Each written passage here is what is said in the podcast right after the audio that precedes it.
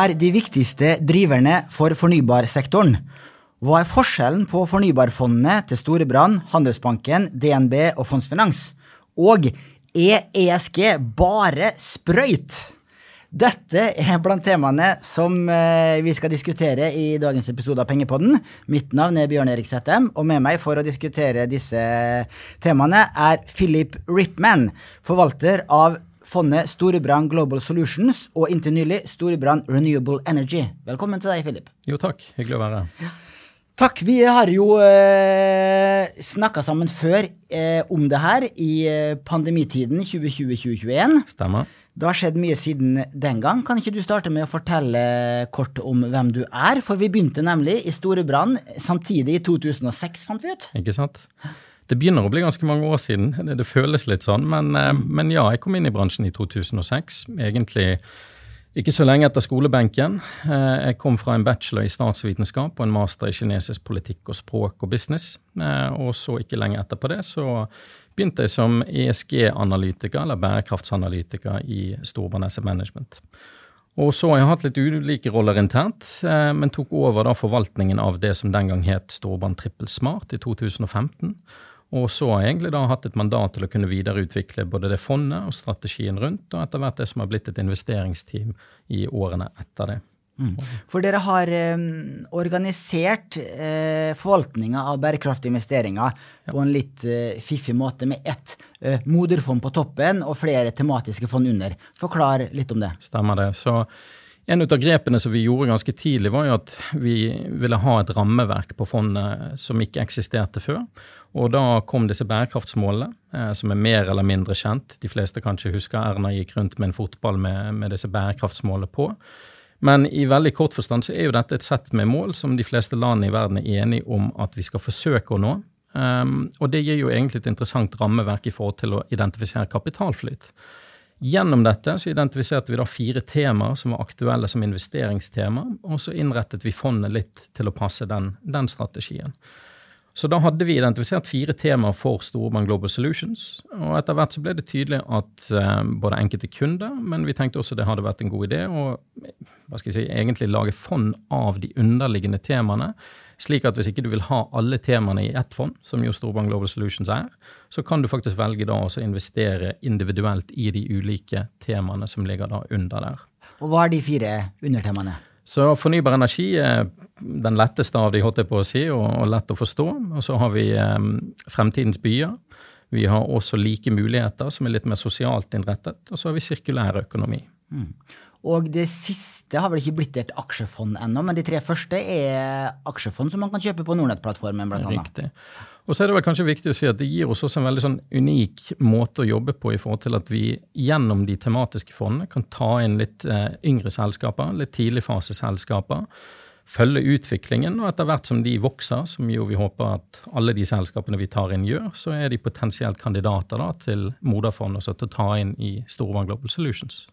Og våre kunder er jo veldig glad i fornybarfond, og jeg sjekka her at uh, per i dag så har våre kunder ca. 300 millioner kroner i Storbrann Renewable Energy, og de har vel eh, enda mer i Handelsbanken bærekraftig energi, og vel litt mindre i DNB Miljøinvest og Fondsfinans fornybar energi, så vidt jeg husker. Så det er veldig populære fond, og det skyldes jo at det steig veldig mye her i eh, 20, 2020 og vel eh, litt inn i 2021 òg, men så Absolutt. har det vært et, dårlig, et dårlig år en periode, og så nå har det jo fått en bra eh, rebound opp igjen. Ja. ja det stemmer det. Og så hadde jo en veldig positiv utvikling selvfølgelig eh, fra vel siste halvdel i 2020 og inn i begynnelsen på 2021. Og så fikk vi en ganske kraftig verdirotasjon i markedet, som gjorde at enkelte av de selskapene kom ganske langt ned igjen. Eh, og så har det egentlig vært litt sånn stabilt sideleie i en tid etterpå. Eh, vi ser jo også da at selvfølgelig konflikten i Ukraina har bidratt til å sette mer fokus på dette med energi, og da inkludert fornybar energi. Ikke utelukkende, vel å merke, for det har også vært et stort fokus på olje og gass i den samme tiden. Men det har gjort til at det har blitt litt mer fokus på å få fart rett og slett i utviklingen av eh, energiproduksjon. Mm, mm. Og I dag skal vi snakke hovedsakelig om fornybarsektoren og fornybarfond, og i mindre grad om de andre eh, solutions-fondene som, som Storbrann eh, tilbyr. La oss hoppe i det. Eh, hva er eh, status og drivere i fornybarsektoren? For vi vet at politiske beslutninger eh, gir store investeringer i fornybarsektoren og i klimavennlige investeringer. Hvordan vil du eh, oppsummere de viktigste driverne for fornybarsektoren? Vi kan jo kanskje begynne litt sånn geopolitisk, for det, det, er en veldig viktig driver og en veldig viktig dimensjon i det vi ser på verdensbasis. er jo at både regioner og individuelle land eh, setter jo stort fokus på å omstille energiproduksjonen sin til det grønne eller til fornybart. Og Det gjør jo til at man har fått til egentlig eh, altså, gode rammer for å kunne videre vokse den, det segmentet og den type produksjon og de type selskapene. Og så Kanskje det som har vært litt av endringen de siste tidene, er jo at man har sett gjennom da Inflation Reduction Act som har kommet i USA. Vel å merke viktig å ikke se den isolert sett. Den kom jo sammen med Chips Act og ja, et par pakker til, som egentlig legger litt sånn grunn på mer proteksjonisme enn det vi har sett tidligere. At man ønsker å ta tilbake igjen store deler ut av verdikjeden knyttet til fornybar produksjon. Og ikke bare fornybar, men også dette med altså semiconductors, og ta det tilbake. Og så har vi sett en respons i EU eh, gjennom eh, EUs regulering, hvor man også ønsker det samme i EU. Og så har jeg satt et lite spørsmålstegn på når vi kommer til å se en potensiell policy-effekt i, i, Kina også. For vel å merke når vi snakker geopolitisk for fornybarsektoren, så er det viktig å se at ja, innenfor sol f.eks. så ligger det meste av modul, modulproduksjonen fremdeles i Kina. Og store innsatsvarer kommer veldig ofte fra Kina. Og det er jo egentlig den geopolitiske dimensjonen som har dominert litt de siste, si det siste året, halvannet, om ikke lenger, når vi ser på bl.a. tilgangen til polysilisium, tilgangen til chips, hvor de produseres. Og så er jo det interessant å se om dette kan være også potensielt en kilde til inflasjon. Når man ønsker å flytte produksjon tilbake til de individuelle landene, så går potensielt kostnadsbasen litt opp. Og så gjenstår det å se om selskapene klarer å gjøre det på en ok måte, samtidig som de har jo insentiver fra de ulike landene til å få det på plass. Så det er litt drivere her. Eh, jeg vil jo si også at vi er egentlig avhengig av gode geopolitiske relasjoner for at vi skal få til, eller i hvert fall å få til en ok um, fart i transisjonen, uh, for å si det på den måten. Et godt forhold mellom Kina og Vesten er litt viktig. Så jeg håper jo at ikke det forholdet kommer til å bli enda kaldere i tiden som, som kommer. Mm. Eh, den Inflation Reduction Act i USA det virker som en gedigen subsidiehakke eh, mm. for å støtte eh, amerikanske virksomheter som vil satse fornybart. Eh, klarer Europa å konkurrere med disse subsidiene? Det, jeg har lest noen artikler om at det er en del europeiske mm. selskaper som også vurderer å flytte produksjonen til USA, for de får mye bedre stønader der. Så jeg ønsker jo egentlig den konkurransen litt velkommen, i forhold til at det kan jo være positivt det at man legger til rette for den type produksjon begge steder, og at det blir litt konkurranse mellom EU og USA for å være det mest attraktive området for den produksjonen.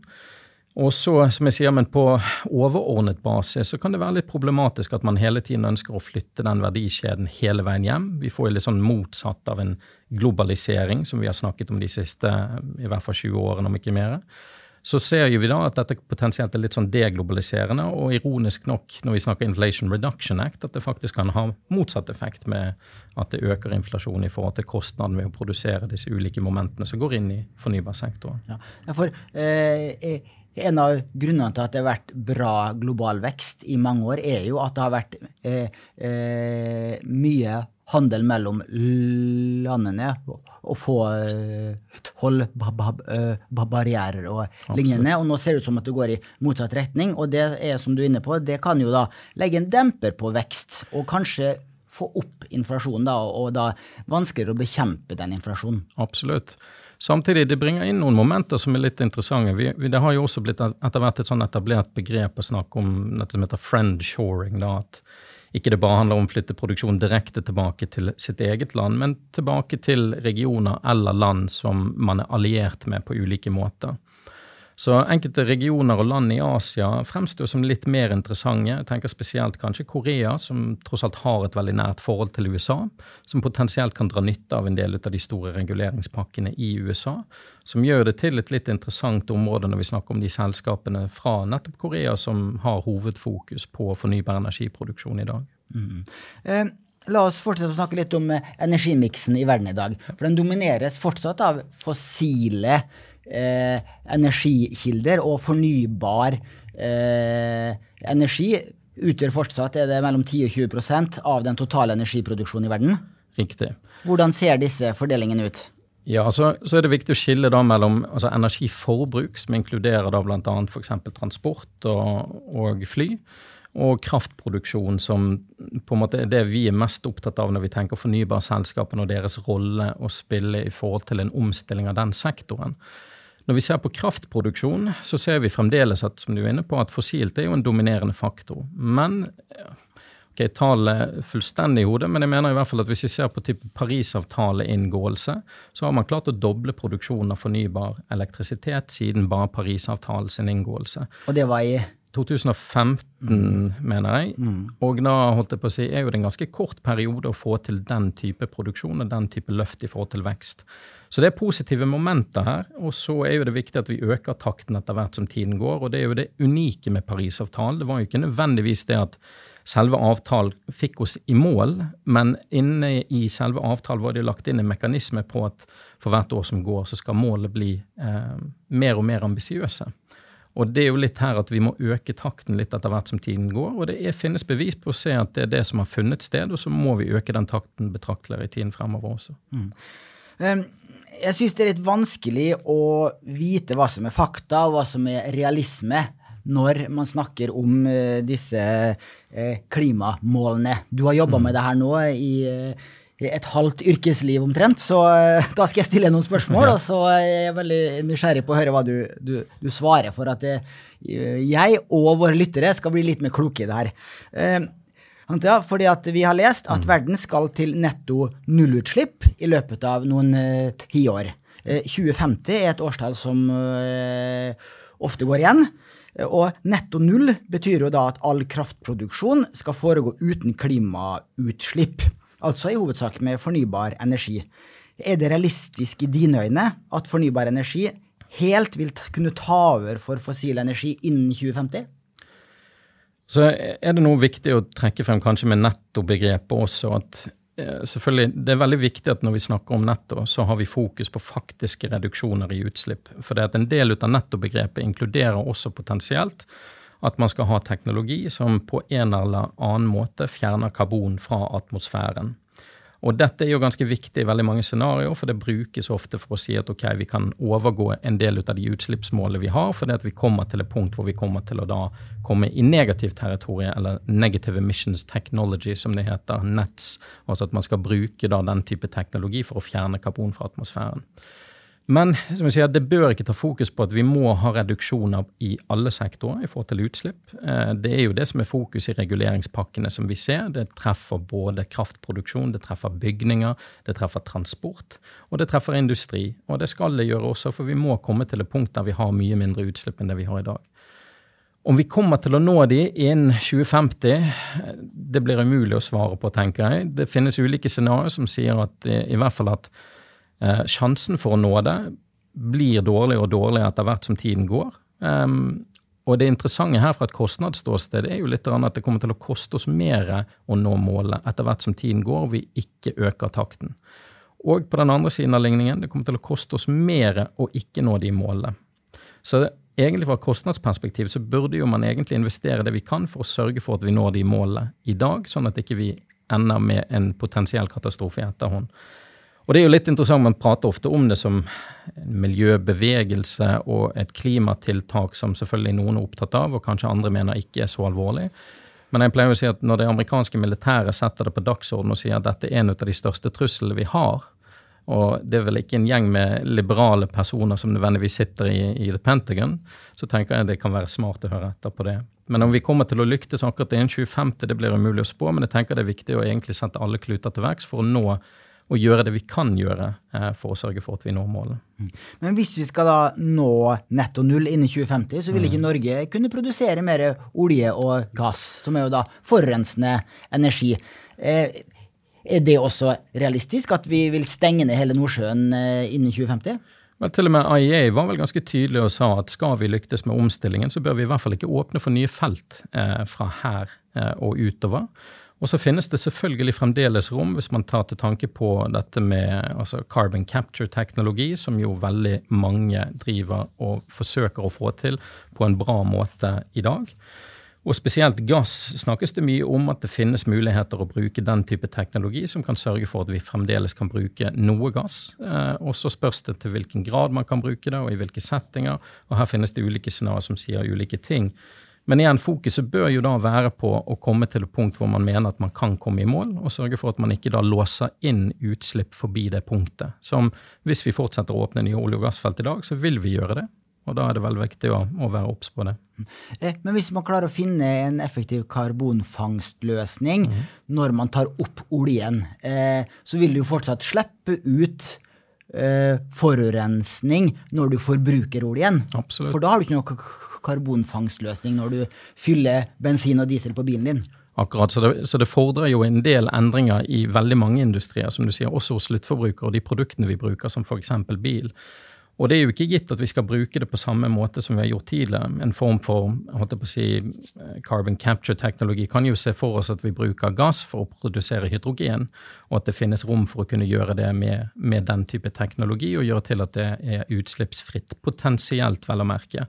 Det er vel å si at det finnes en mulighet for det, men jeg har til gode å se det på stor skala enn så lenge. Mm -hmm. og så Et spørsmål som også går igjen, er at fornybar energi ikke er lønnsom uten subsidier. Ja. Det eh, var vi så vidt inne på med den Inflation Reduction Act i USA, hvor de skal mm. jo pøse masse subsidier på fornybarinvesteringer. Så er fornybar energi eh, lønnsom uten subsidier i dag, og hvilken type energi, og hvor, i så fall? Ja. Det er jo litt av og til en sånn interessant dimensjon med en gang vi prater om subsidier. for det, det, også kan det handle litt om en egen bakgrunn her, holdt jeg på å si, som statsviter òg. at når jeg kom inn i det, så jeg ser ikke nødvendigvis subsidier som et sånn type fyord som, som, veldig mange i finansbransjen gjør. Når jeg tenker på det fra statlig ståsted, så har man to hovedvirkemidler for å egentlig ja, enten omdirigere eller si hva man ønsker å gjøre i forhold til en omstilling i et samfunn. Det er skatt, og det er subsidier. Og det brukes i ganske stor grad på veldig mange typer industrier, og det er viktig å se både skattdimensjon og subsidiedimensjon sammen veldig ofte. Og så er det egentlig umulig å si noe om det hvis ikke man snakker spesifikt om de ulike markedene, for det er veldig veldig ulike forhold på dette, fra USA til Norge til Europa osv. Men det er viktig å se at på verdensbasis så er det fremdeles veldig store subsidier på olje og gass, eller fossilt. Eh, mye av det handler om f.eks. å sørge for at bensinprisen er billig nok for veldig mange forbrukere på verdensbasis. Så igjen skal vi snakke om subsidier innenfor fornybarsektoren, så kan det være også fornuftig å snakke om det på litt bredere basis i forhold til hvordan vi produserer energi i hovedsak. Men det er klart, vi ser jo gjennom reguleringspakker at man støtter en større industri innenfor fornybart, og subsidier er én måte å få det til på. Så kan man si at faren ved det er at det skaper en altså inefficient marked rundt dette. At det kan komme selskaper som vi er litt inne på, som ikke er lønnsomme. Eh, men vi ser jo at det finnes store deler ut av de ulike fornybarsektorene som er lønnsomme i dag. Hvilke? Eh, ja, altså F.eks. innenfor inverter ser du på Enphase, ser du på Solar Edge. Der har jo du selskaper som har god balanse, de tjener bra med penger, marginene er bra.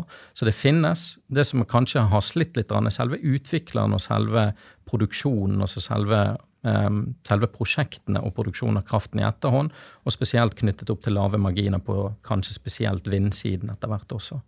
Men at det finnes, ja. Og så er det en del også forhold i forhold til hvor det er satt opp i forhold til produksjon, som spiller en rolle på de ulike prosjektene også.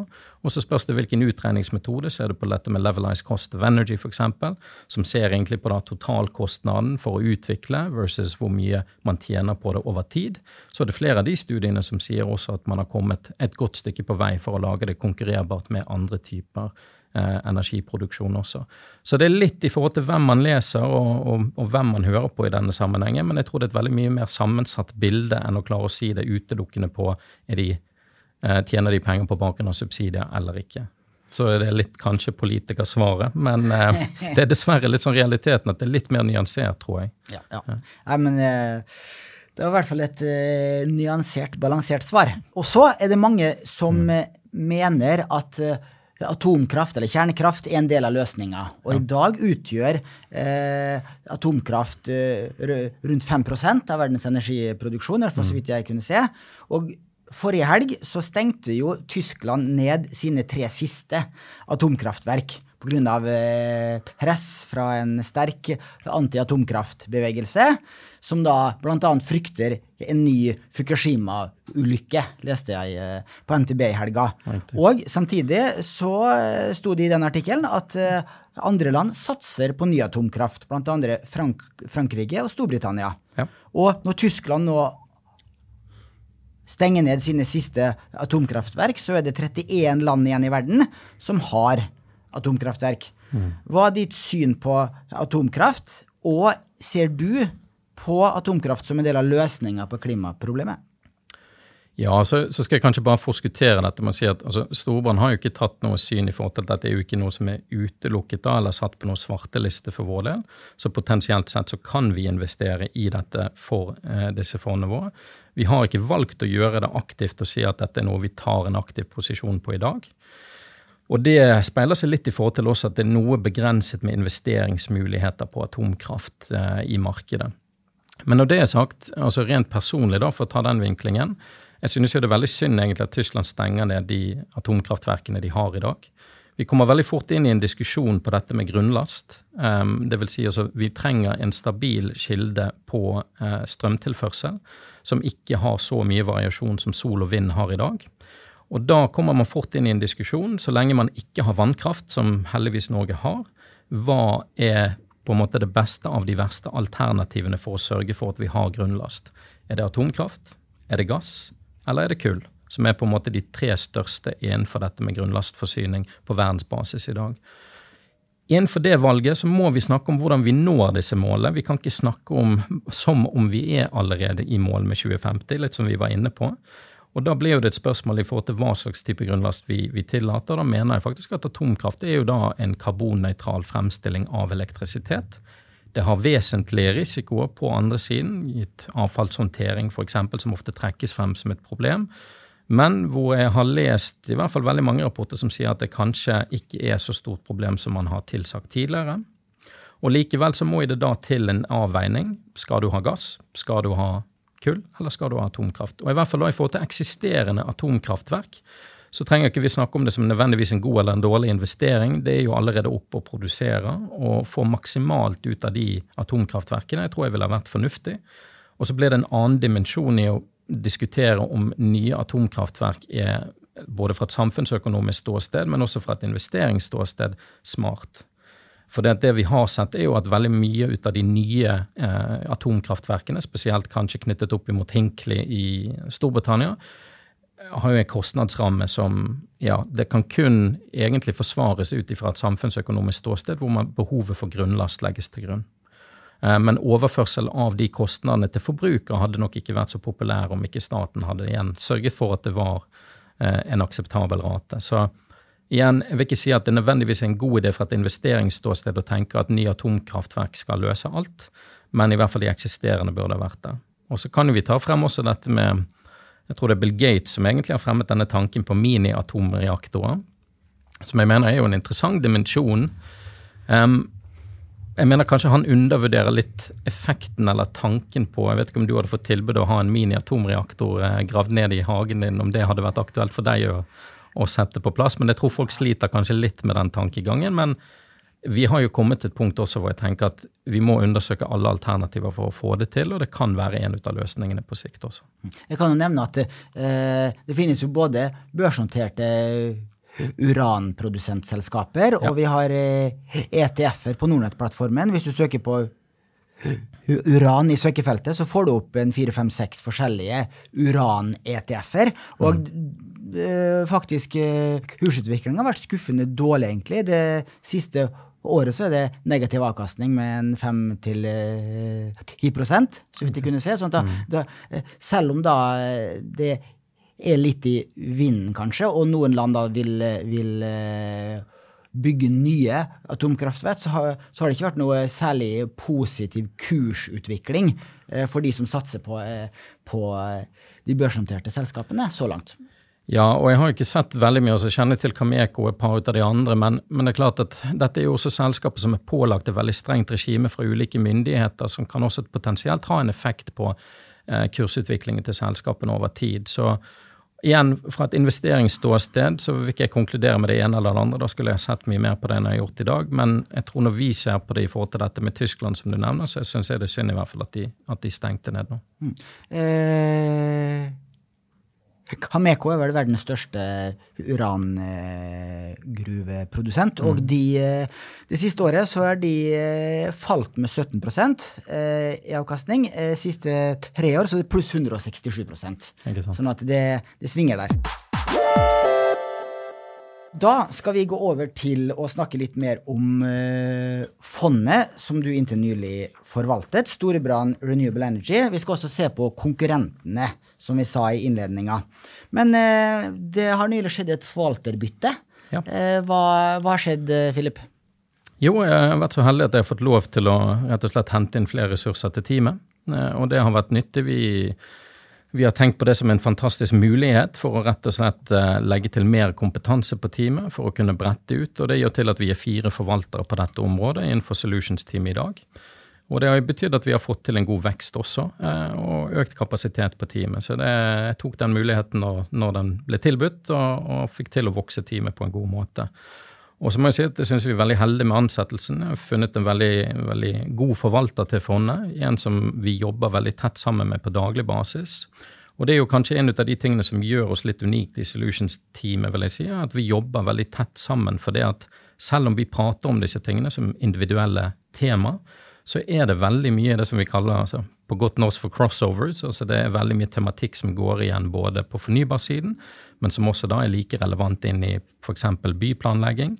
Og som er faktisk også relevant inn på det sosiale når vi tenker type kabler og telekomvirksomhet og knytningen fra der til f.eks. elektriske grids, når vi ser at f.eks. cybersecurity er et større og større, eller um, ja, blir et større og større tema, så gjelder jo det også innenfor det grønne. Så det er veldig mange aspekter her som flyter litt inn i hverandre, som gjør til at det å ha et, en god bredde i teamet, både på, basert på bakgrunn og erfaring, har vært veldig nyttig for oss i å rett og slett sørge for at vi tar de riktige beslutningene. Mm, mm.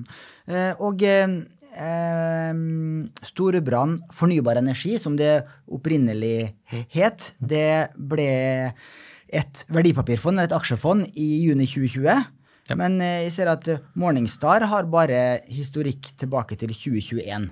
Hva, hva er grunnen til det? Så, eh, så vidt meg bekjent så var det da vi opprettet noen nye andelsklasser for Storan fornybar energi. Så som du sier, historikken er tilbake til 2020. Jeg mener også at det er litt rart fremstilt på Morningstar. For går du inn på grafen, så er den faktisk tilbake til 2020. Så det. Så det, det burde du ta opp med Morningstar, sånn at du får med deg hele historikken. For det var en kjempegod Første året var jo fantastisk. Ja, ikke sant. Så det blir jo litt sånn rart. altså Vi får ta det opp med de og sørge for at det ser riktig ut um, i forhold til sånn som det skal være. Men som du sier, oppstartsdato for vår del var um, midt i sommeren 2020. Sant. Da skal vi se litt på de fire fornybarfondene. Og jeg kan nå starte med å eh, ta litt om avkastningsforskjeller. For det er jo eh, litt forskjell på de fondene. Det er også litt forskjell i investeringsmandat, som du skal kommentere etterpå. Men Storebrann Renewable Energy eh, og Handelsbanken Bærekraftig energi, Fondsfinans Fornybar energi og DNB Miljøinvest er jo da de fire norskforvalta eh, fornybarfondene. Eh, man kunne muligens tatt med eh, DNB Grønt Norden også, men mm. det har ikke så mye fornybarfokus. Der eh, har du en litt breiere investeringsunivers, sånn at det lot de være. Men så langt i år så har disse fondene hatt en avkastning på mellom pluss 5 til pluss 11, der Fondsfinans Fornybar Energi har da ligger i en nedre del med pluss 5, mens DNB Miljøinvest er pluss 11. Og så ligger Storebrand Handelsbanken sitt på 9. Og hvis du ser på siste tolv måneder, så er det eh, Fondsfinans fornybar energi som leder med 16% foran Storebrand på 13 og DNB Miljøinvest på det samme, 13. Og Handelsbanken Bærekraftig energi ligger et stykke bak på pluss 3. Eh, når vi ser på tre års analysert avkastning, så er det bare Handelsbanken, Bærekraftig energi og DNB Miljøinvest som har treårshistorikk. Og de har rundt 30% analysert avkastning begge to, som er mm. fantastisk bra. Også også femårs analysert avkastning, der ligger de to fondene på rundt 20% begge to. og Det er også fantastisk bra. Og mer enn et globalt eh, indeksfond som ligger på rundt 14% de siste fem år. Og også har disse to fondene eh, hele tiårshistorikk. Og der ligger begge to på rundt 18% analysert, som også er veldig veldig bra. Og mer enn f.eks.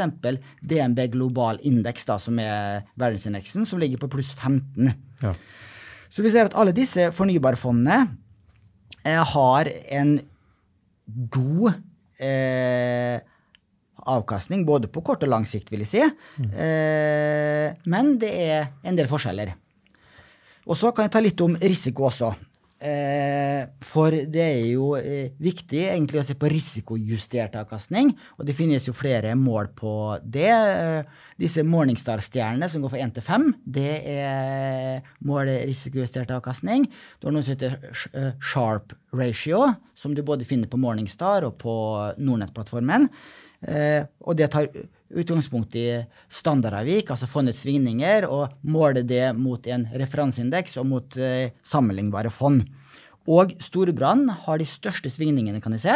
Der er standardavviket det siste året på 29 eh, Handelsbanken Bærekraftig energi har 23% det siste året. Det samme har DNB Miljøinvest, 23% Fondsfinans er det fondet som har svingt minst det siste året, med 21% Da kan du få lov å si litt om forskjellene i de ja. fondene, for jeg, jeg, spurte dem det på forhånd, og det skulle du se litt på. Ja. Altså jeg tror først og fremst, så vil jeg si at Vi er vel kanskje et av de få fondene som jeg pleier å si det, og så er det litt med en sånn hybridbakgrunn her som engelsk som gjør at jeg blander språk hele tiden. Men, men i hvert fall, altså, jeg tar jeg sier, we do what we, it does what it says on the tin. Og det er jo litt Når vi sier at vi er et fornybarfond, så er vi et fornybarfond. Det betyr at for vår del så er innretningen fornybar produksjon, distribusjon og lagring. Og det er den innretningen vi skal ha. Det betyr at jeg forventer at svingningen er større. Vi har et litt smalere investeringsunivers, eh, i hvert fall i forhold til veldig mange fond innenfor samme segment, som ofte inkluderer litt flere ting i forhold til det grønne. Eh, og det er ikke nødvendigvis feil, det er bare ulike måter å kategorisere disse tingene på. Vi dekker jo mye ut av de andre elementene på det grønne gjennom andre tematiske fond eller gjennom Storvann Global Solutions. Så vi har mulighet til å få investere i de selskapene, men fornybarfondet skal være utelukkende et fornybarfond. Så det finnes ulike rammer som man kan se på og sette på disse fondene, som gjør at man får litt forskjellige investeringsmandater. Jeg vil jo si at det er kanskje en fordel og en ulempe. Søker man ren eksponering mot fornybart, så mener jeg at vi har den reneste eksponering. Men ulempen er da som sagt at vi får en større grad av volatilitet. Og vi har veldig få steder å gjemme oss hvis man tenker på at det er ganske mange grønne fond etter hvert, som jeg tror gjorde ganske store rotasjoner når man så at det var et mer verdipreget marked. Eh, gikk nok ut av de største vekstmomentene men som da også potensielt har tapt litt, for dette med timing er jo velkjent ganske vanskelig. Så da når markedet snudde litt igjen, og vekst spesielt i forbindelse med fornybart kom inn i vinden, så har man ofte ikke rotert fort nok tilbake. Så vi sitter i det segmentet som skal handle rent om fornybart. Eh, vi kommer ikke til å rotere ut av det på noe som helst måte. Og det gjør jo også til at kunden kan sørge for at de får en ren eksponering mot fornybar hvis de ønsker det. Ja, for jeg så at uh, Handelsbanken Bærekraftig energi investerer i lakseselskaper. De har to uh, lakseoppdrettsfirmaer blant de, de, ti største. Men det Storbrann Renewable Energy kan ikke investere i laks. Nei, eh, som sagt, vi, vi, ønsket å holde det på det nivået hvor når vi sier at vi er et fornybar energifond, så handler det om fornybar energi.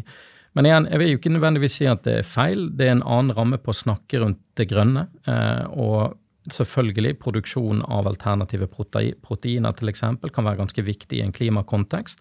Så da er det bare viktig tror jeg, for kundene å være obs på hva slags ramme som eksisterer på de ulike fondene, og finne den rammen som passer de best. Eh, men her, for vår del, så er det viktig å sørge for at ja, it does what it tin, og det skal være en ren fornybar eksponering. Mm. Og eh, jeg så eh, Storebrand Renewable Energy har rundt 40 selskaper i porteføljen. Handelsbanken Bærekraftig energi tror jeg har omtrent dobbelt så mange. Sånn at det forklarer også litt av de større svingningene. Eh, jo færre eh, selskaper man har i et fond, jo mer svinger det som regel. Absolutt. Ja. Um, og um, de fem største posisjonene i fondet, hva er de? Kan ikke du fortelle kort om de selskapene, og hvorfor dere har valgt de? Det kan jeg gjøre. Um, altså Begynne litt fra toppen. Altså, vi har jo et uh, koreansk selskap, Hyundai Energy Solution, som ligger ganske høyt oppe. Det er jo et selskap litt som vi nevnte, som er interessant fra et koreansk perspektiv, og vi kommer kanskje inn på dette her også med, med regional eksponering, mot at vi har ganske stor eh, tilnærming til Korea generelt sett. Det er et marked vi liker. Det er et marked som jeg synes, hvis man ser på liksom, sammensetningen, så har de veldig god f.eks. utdannelse innenfor teknologi. Og de har vel tidligere vist at det finnes ganske mange teknologiselskaper som kan lyktes fra Korea.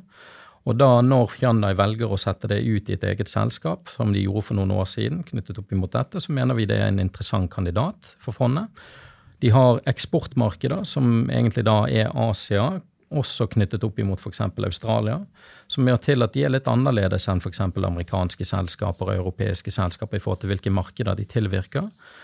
Og igjen, Det gjør det kjempeinteressant i forhold til igjen at dette er markeder som har fokus på vekst innenfor dette segmentet. og Hyundai har jo klart å levere det, um, og har også ganske gode marginer i selskapet. Så det er en posisjon vi er ganske fornøyd med enn så lenge. Um, vi har også Shinji. Um, vi var litt inne på dette med Kina-eksponering. Og da er det veldig viktig å si at når 45% av fondet er innriktet mot sol, og det er jo kanskje også en kommentar til volatilitet i fondet Sol er jo kanskje av de ulike energiformene innenfor fornybart det mest volatile. Det er også det som har skapt mest avkastning over en lengre periode, hvis man ser det f.eks. i kontrast til vind.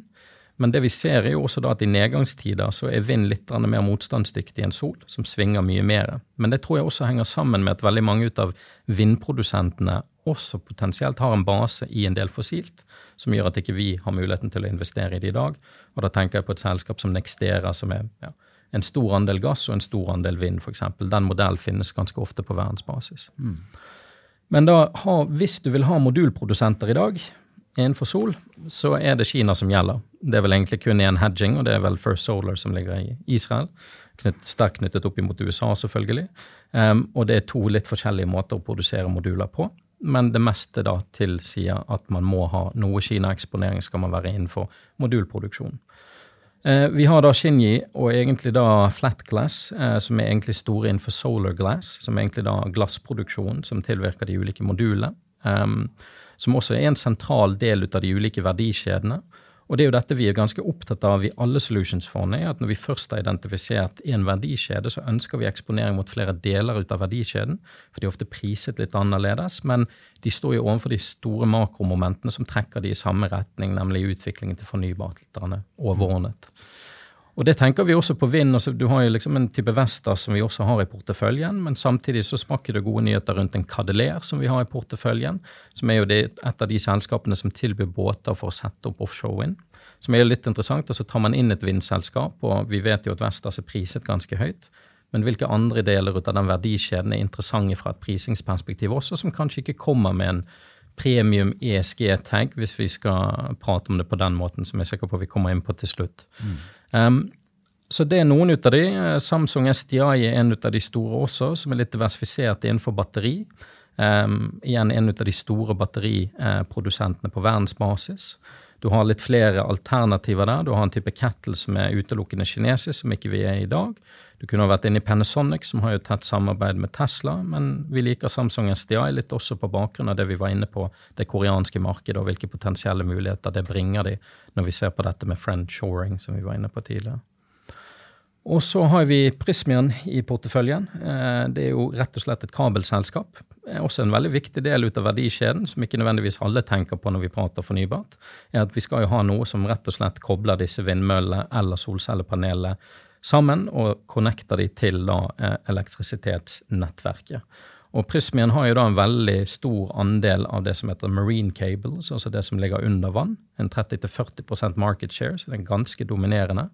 Og igjen da et selskap som har en veldig god historikk til å kunne levere på akkurat dette segmentet. En interessant del ut av verdikjeden, og også en del ut av verdikjeden som må vokse sammen med resten av segmentet. Så det gjør jo til, selv om vi er, jeg vil jo si at vi er et rent fornybarfond, så har vi muligheter til å kunne diversifisere på bakgrunn av ulike deler ut av verdikjedene, som blir veldig viktig for oss. Sånn. du nevnte at du hadde et norsk selskap i porteføljen, eh, Hadeler. Har du flere norske selskaper i Storbrann Renewable Energy? Ja, altså vi har jo Skatec. Vi har vært lenge inne i Skatec. Ehm, så ja, det er vel vår norske eksponering i dag. Ja, og Skatec har jo gått ganske dårlig eh, siste året, med så minus 40% røftlig siste tolv måneder og minus 50% siste tre år. Så det er ikke akkurat en momentuminvestor når det gjelder det selskapet, i hvert fall.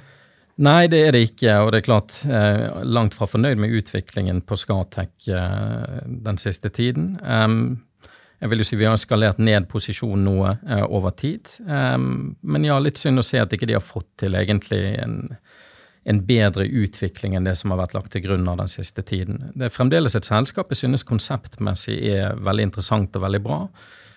Um, storyen i forhold til å ta med seg dette med liksom egentlig prosjektering fra olje- og gassindustrien og ta det med til bra prosjektering innenfor f.eks. driften og utviklingen av solcelleparker, har jo vært et, et veldig bra moment for dem opp til et punkt. Og så har det vært litt for mye støy og litt for mye enkeltproblemer egentlig fra kvartal til kvartal som har gjort til at kursutviklingen egentlig ikke har vært så bra som man kunne ha håpet på. Men vi sitter fremdeles med, med en post i selskapet, og så, så, er vi spent på hvor fremtiden bringer oss med dem. Du sa 45% ca. i solselskaper. Hvor mye i vind, og hvor mye i resterende subsektorer? Ja, og så er det viktig å si at dette er jo, det er jo enkelte av de som er mer diversifiserte, så det er en breakdown egentlig sammensatt av de ulike selskapene og deres eksponering. Men ca. 45% sol, en 25% vind, og så er det en del på lagring. Og så har vi noe eksponering mot ulike andre former for fornybar produksjon, som kan være vannkraft. men til eksempel, og det har jo Skatec også fått etter hvert. Men vannkraft er ikke et segment vi har en veldig stor posisjon i, nettopp fordi at vi mener at veksten innenfor det segmentet kommer til å være noe flat i tiden som kommer. Mm. Jeg glemte å nevne når vi snakka om eh, risiko og avkastning for ulike fondene. Det er jo to av de fire fondene som har eh, mer enn treårshistorikk, og som dermed får Morningstar-stjerner. Og Handelsbanken Bærekraftig Energi har da fire stjerner i Morningstar, og DNB har tre stjerner. Så vi må sørge for å få endret denne datoen sånn at det reflekteres, for da kommer vi vel inn på treårshistorikken nå i juni. Så. Da kommer du inn på treårshistorikken, vet du, og mm. da blir det spennende å se det blir viktig. Uh, hvor mange stjerner du får. Uh, og, og, og, og, da slike fornybarfond, i likhet med andre spisse sektorfond, det bør jo være eh, krydder i en portefølje, eh, hvor du da eh, gjerne har globale indeksfond som et fundament, og så kan man spe på med, med slike spenstige eh, sektorfond og regionfond som man har troa på. Absolutt, og sikkert for å trekke frem det samme som dere gjør veldig ofte. Det er viktig å ha langsiktige briller på i, i et sånt segment som dette, for vi er inne på dette med volatilitet i enhver periode så kommer det til å gå potensielt mye opp og potensielt mye ned. Eh, men igjen, når jeg sitter her og tenker liksom langsiktig, når jeg tenker fem-ti år frem i tid, om det er ett segment jeg mener kommer til å måtte vokse, for her bør det ikke levnes noe tvil. Vi kommer til å sette inn alle kluter for å sørge for at dette området vokser. og Da tenker jeg på nettopp disse reguleringspakkene. Jeg trenger ikke å gå lenger enn norsk politikk for å se at det kommer et økt trykk på dette i tiden fremover. Så området skal vokse. Det betyr ikke dermed at alle selskapene kommer til å gjøre det like bra, men vi vet i hvert fall at det som man kaller for markedet generelt sett må vokse, og det kommer til å være plass til å kunne skape mer avkastning i et sånt miljø. Bra. Da skal vi over til siste del av temaet. Og eh, det er eh, da vi snakka sammen eh, før sending her. Og da hadde du nevnt at du hadde hørt den podkasten med eh, Robin Wigglesworth med den tabloide tittelen 'ESG er reinspikka sprøyt'. og da eh, sa du at jeg veldig gjerne kommenterer hans påstander. Ja, jeg føler jo nesten vi burde tatt en egen episode på det, men det får vi heller diskutere. Men altså, man må kanskje begynne i det små. Så jeg tror ikke nødvendigvis er jeg så uenig med enkelte av de momentene som Robin trekker frem. Det, det, er ikke slik at ESG hele tiden har vært problemfritt, og det er heller ikke slik at det hele tiden har vært brukt på en veldig god måte. Men så er det noe med å trekke en overordnet konklusjon som betyr at det er renspikka sprøyt, og det mener jeg er renspikka sprøyt. Sånn, det er for at Før du øh, fortsetter, og for dere som ikke hørte den episoden som var for uh, halvannen måned siden, vel, uh, kan spole tilbake i arkivet, uh, det han blant annet sa, var at ESG er en god idé i teorien, blitt, men det har blitt markedsført som en verdensreddende greie. Og det er forlokkende at du kan tjene penger og redde verden samtidig, men det er ikke realiteten. Mm. Dette er egentlig bare markedsføring fra forvaltningsbransjen og en måte å selge dyre eh, og dårlige fond på en ny måte. sa han. Også eh, la han til at hvis alle i verden hadde investert eh, sine penger i ESG og bærekraftige fond, så hadde det ikke hjulpet en døyt. Og da, det er ikke du helt enig i? ja, Da må jeg nesten begynne med å dekomponere liksom noen ut av elementene. For jeg tror en av de store frustrasjonene jeg har, er at man prater om ESG som om det er én ting. Og så er det også noe med at her behandler vi ESG på en helt annen måte enn vi gjør alt annet. Om jeg sier til deg at ok, la oss ta verdi eller vekk som faktorer. Det finnes jo ikke egentlig en ensidig enhet om at i hvert tilfelle så er definisjonen på et verdiselskap XYZ og definisjonen på et vekstselskap XYZ. Og så blir det enda verre når vi går inn i kvalitet, f.eks. Men det betyr jo at hadde vi vært enige om disse definisjonene, og vi hadde hatt et riktig mandat, altså det samme mandatet mellom fond, så skulle jo f.eks. et verdifond i Norge investert i de samme selskapene som et annet verdifond i Norge. Så det er jo ikke sånn at man er enig om innholdet i de ulike faktorene heller. Så vi behandler egentlig ESG som om det skulle betydd at det er en etablert sannhet bak det. Og sånn fungerer veldig lite i finansindustrien generelt sett. Altså Hvor mange analytikerrapporter har ikke du fått for et selskap? Hvor altså, eh, konklusjonene er veldig ulike fra analytiker til analytiker, men de har jo tilgang til samme informasjon. Ja, det er for så vidt riktig, men når det gjelder verdi og vekst, så er de fleste enige om hovedfaktorene og de nøkkeltallene som kjennetegner et verdiselskap og vekstselskap. Jeg vil tro det er mye høyere korrelasjon mellom verdi og vekst enn det er mellom de ulike bærekraftsrangeringene. Riktig.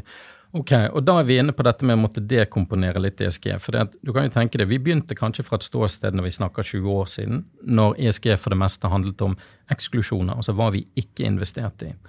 Og det er jo klart at veldig mange ESG-fond fremdeles følger den eh, standarden, hvor det blir et ESG-fond på bakgrunn av at man har tatt bort noe. Så det gjør det også litt vanskelig å si at ok, når du tar bort noe, og så skal du snakke om avkastning, så blir det kanskje feil å sammenligne det med fond som innretter seg etter å søke en alfa fra en viss type industrisektor, eller eksponering mot en ESG-faktor, om du vil. Så igjen her så må du begynne å dekomponere først og fremst hva ligger til ESG-fond, og her finnes det veldig, veldig mange ulike varianter. Begynt fra en eksklusjonsside. Det finnes ulike eksklusjonskriterier. Og når vi kommer inn på dette som Robin var inne på i forhold til dette med ratings, så finnes jo det et hundretalls ulike informasjonspunkter under de ulike ratingene, som selvfølgelig fører til at man får ikke veldig stor korrelasjon mellom resultatene. Og så er det et spørsmål om det er et problem. Man skal også huske på at ESG, i motsetning til andre faktorer, er jo et veldig ungt fagfelt. Du kan si at ja, vi kom gjennom i forbindelse med dette med eksklusjoner, men det å sette sammen data når man snakker om materialitet, altså til hvilken grad de ulike faktorene er relevante for de underliggende selskapene, er fremdeles et veldig, veldig ungt fagfelt, i motsetning til faktor um, akademia, som har jo eksistert i ja, hundrevis av år, eller i hvert fall hundre. Så vi må anerkjenne at det er et ungt fagfelt som kommer til å ha litt sånn growing pains, voksesmerter, og at det finnes en materialitet. Det tror jeg definitivt, men det finnes ikke nødvendigvis når man setter sammen hundrede datapunkter på tvers av så ulike felt som miljøfaktorer, sosiale forhold, governance-forhold. Det er jo klart at da får man veldig ulike resultater. Men det er jo veldig rart også å tenke på at enkelte av de faktorene er jo rett og slett bare proxyer på kostnader, spesielt når vi snakker om dette med det operasjonelle som ligger ofte innenfor dette med ESG. Når vi ser på innsatsvarer, ikke sant? altså hvor mye energi koster det å lage et produkt? Det er jo bare en proxy også på kostnadssiden til selskapene. Er det materielt for mange av selskapene? Absolutt. Og hvis ikke jeg hadde lagt en ESG-tag på det, eller sagt at det kom i form av en rating, så tror jeg alle hadde sagt ja, ja, men ok, vi må jo se på kostnaden til innsatsfaktorene til de ulike selskapene. Og da medfører det ikke like mye diskusjon.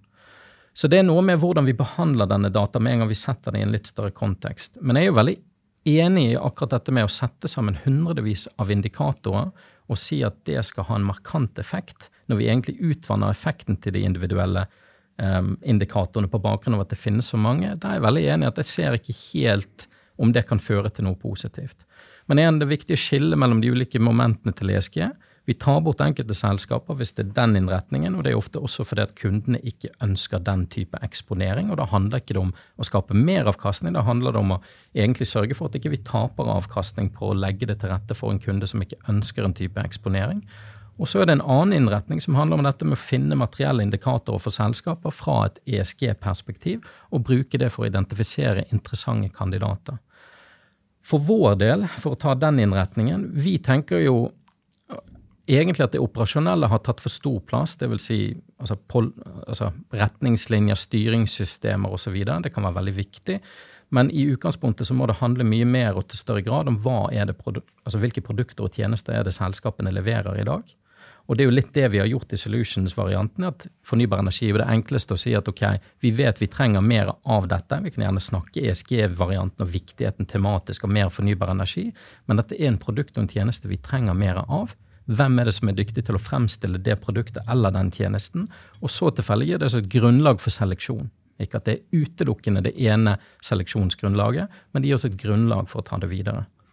Så skal vi snakke om ESG, så må vi egentlig dekomponere. Og det tenker jeg er en litt sånn utfordring også til industrien. at ja, det var kanskje riktig når vi begynte for 15-20 år siden, om ikke enda lenger enn det, å prate om ESG som ett fagfelt, men jeg tror nesten vi må begynne å dekomponere de ulike delene og si at de har ulike virkemidler og ulike formål med å gjøre det vi gjør, før vi kan bare sette strek under hele ESG-tematikken og kalle det for renspikka sprøyt. Det blir, det blir for dumt. Mm. Eh, men når han sier det at det, det hjelper ingenting hvis alle verdens sparere plasserer pengene sine i ESG-fond. Eh, e det er ikke det som redder oss fra en, en klimakatastrofe. Eh, det er ikke finansbransjen og forvaltningsbransjen som har en viktig rolle her. Det er politikerne som må eh, legge eh, Altså som må innføre lover og regler. Og så er sluttbruker som må ta miljøbevisste valg. Og selvfølgelig kommer man fra et indeksfondperspektiv og, og sier at ok, i annenhåndsmarkedet så skal vi legge alt til et indeksfond som tar bort noe, så kan jeg være tilbøyelig til å være enig i akkurat det. Samtidig, man kan ikke, igjen, det blir liksom konklusjoner her som er langt forbi det man kan konkludere på. Finansbransjen handler ikke bare om annenhåndsmarkedet heller. Vi har jo også altså, tilganger til infrastrukturfond, f.eks., hvor det er kapitalallokering til f.eks. For fornybarprosjekter, til prosjekter som handler om kollektivtransport, til prosjekter som handler om større tilgang til telekomtjenester. Det finnes en hel rekke tilgangsklasser som gjør til at vi må tenke ok, finansbransjen har en veldig viktig rolle, spesielt i forbindelse med kapitalallokering, til å sørge for at vi kapitalallokerer til de riktige type prosjektene og den riktige type aktivitet også. Så det handler jo ikke bare om annenhåndsmarkedet her heller. Og så kan jo man stille spørsmålstegn nettopp i annenhåndsmarkedet. Har det noe å si om man tar bort Tobakk blir ofte trukket frem som et eksempel på dette på divestment-siden. Altså har man tatt vekk tobakk for veldig mange fond? Har det noen effekt på selskapene i forhold til det som ofte trekkes frem i forbindelse med cost of capital? Det er veldig, veldig vanskelig å trekke den konklusjonen og at det har en effekt. Ja, Det har vært superlønnsomt å investere i Philip Morris og de andre tobakksselskapene de siste ti årene? Ja, men det har egentlig vært superlønnsomt å investere i den sektoren, ikke nødvendigvis bare tobakksselskapene. Så det er også en sånn faktordekomponering i å se på det. Og det har vi lagt ut en del informasjon på, for det spørsmålet får vi ofte sett opp imot også da om oljefondet, som får spørsmålet fra tid til annen. Vi har sett at det er egentlig en sektor, en premium der, som gjør til og kan egentlig forklare veldig mye av oppgangen akkurat til de tobakksselskapene. Hvilke sektorer snakker du om da? Det er vel Consumer Disk, mener jeg, som, eh, som tilligger der. Mm. Og der har jo man sett den samme oppgangen i flere andre typer selskaper innad i den sektoren. Så det finnes flere forklaringselementer, men det å konkludere med at cost of capital er vanskeligere for de selskapene, kanskje på marginalen. Men jeg tror at hvis man tenker at både det å ta bort, men også det potensielt å investere mer i, i tilgang eller mer i løsninger er viktig, så vil jeg også si at kommunikasjon rundt det er viktig. Eller så må jo man egentlig konkludere med at effekten av det hele finansbransjen gjør, i så tilfelle med å være veldig tydelig på hvor vi har tenkt å allokere kapital, er ikke av betydning. Men det mener jeg det er. Men det er klart, graden av betydning kan diskuteres, og det er viktig å trekke frem at vi er ikke i en situasjon, spesielt også på klimasiden. La oss si det er en marginaleffekt. Ok, jeg tar fortsatt en marginaleffekt over no effect. Så ja, det blir, det blir litt sånn vanskelig å trekke en sånn beslutning på bakgrunn av alt dette, men at finansbransjen har en veldig viktig rolle å spille i forhold til kapitalallokering. Det tror jeg nok er tilfellet. Jeg tror nok de fleste vil være enige om at alle monner drar mm. når man skal prøve å eh, redde verden fra undergang. Men det som kanskje er litt synd, da, for å trekke frem også kanskje noe av frustrasjonen til Robin, men nå skal ikke jeg legge ord i munnen på han, men min frustrasjon er at vi har blitt så veldig blendet av å si at noe er enten bra eller dårlig. Noe er enten grønt eller ikke. Og det er veldig sjeldent så enkelt, spesielt når vi ser på selskapsnivå, å trekke binære konklusjoner på ting. Det gjør oss egentlig selv en bjørnetjeneste.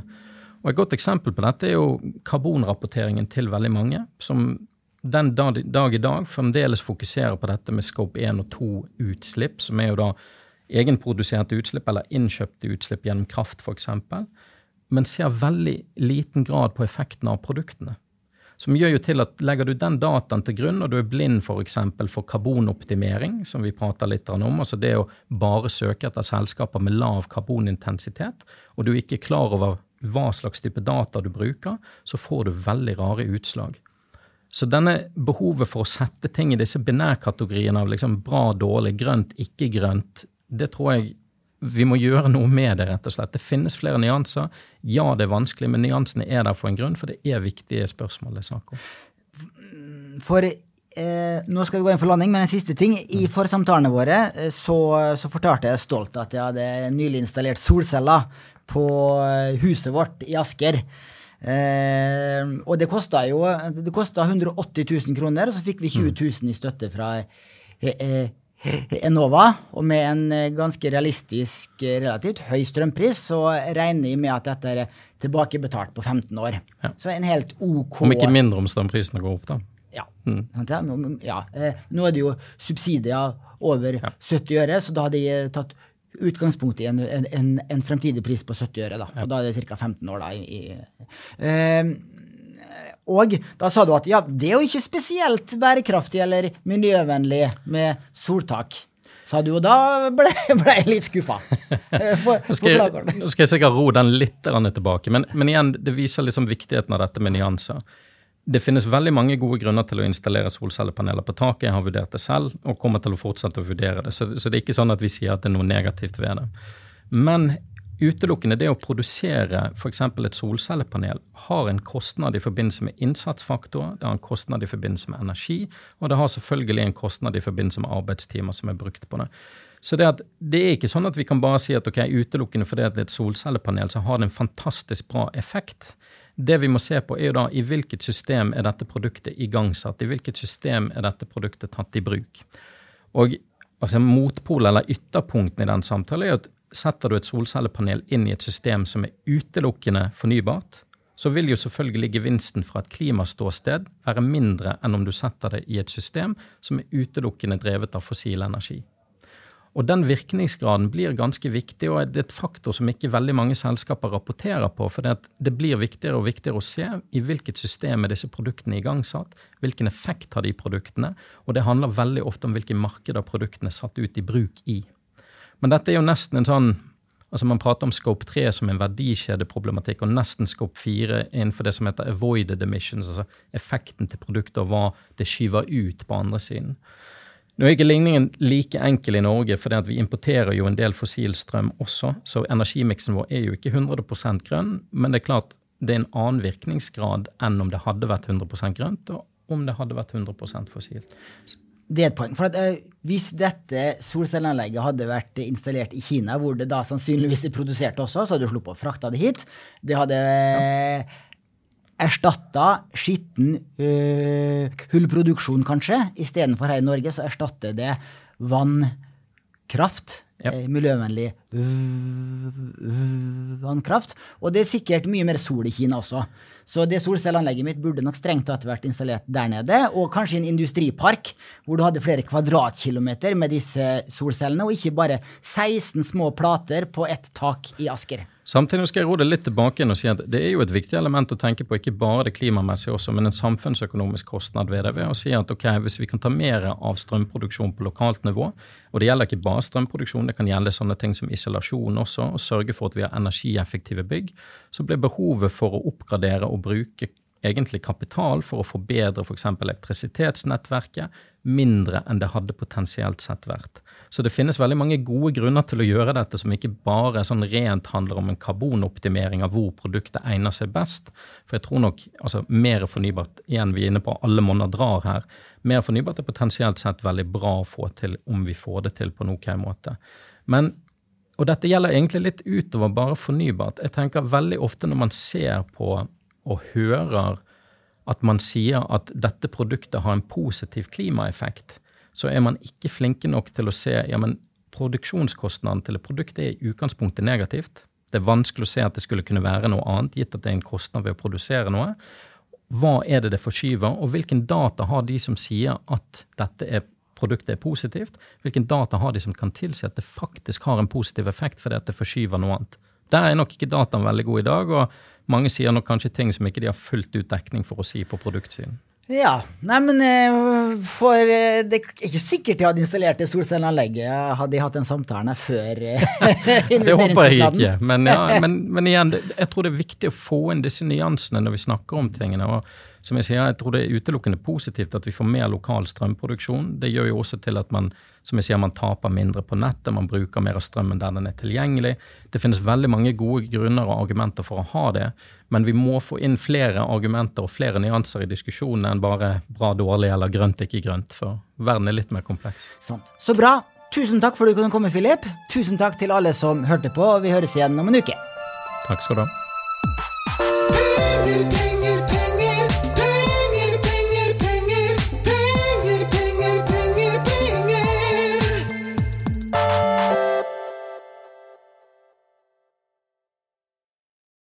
Denne podkasten skal anses som markedsføringsmateriell, og innholdet må ikke oppfattes som en investeringsanbefaling. Podkasten er kun ment til inspirasjon og informasjonsformål. Nordnett tar ikke ansvar for eventuelle tap som måtte oppstå ved bruk av informasjonen i denne podkasten. Les mer på disclaimer på nordnett.no.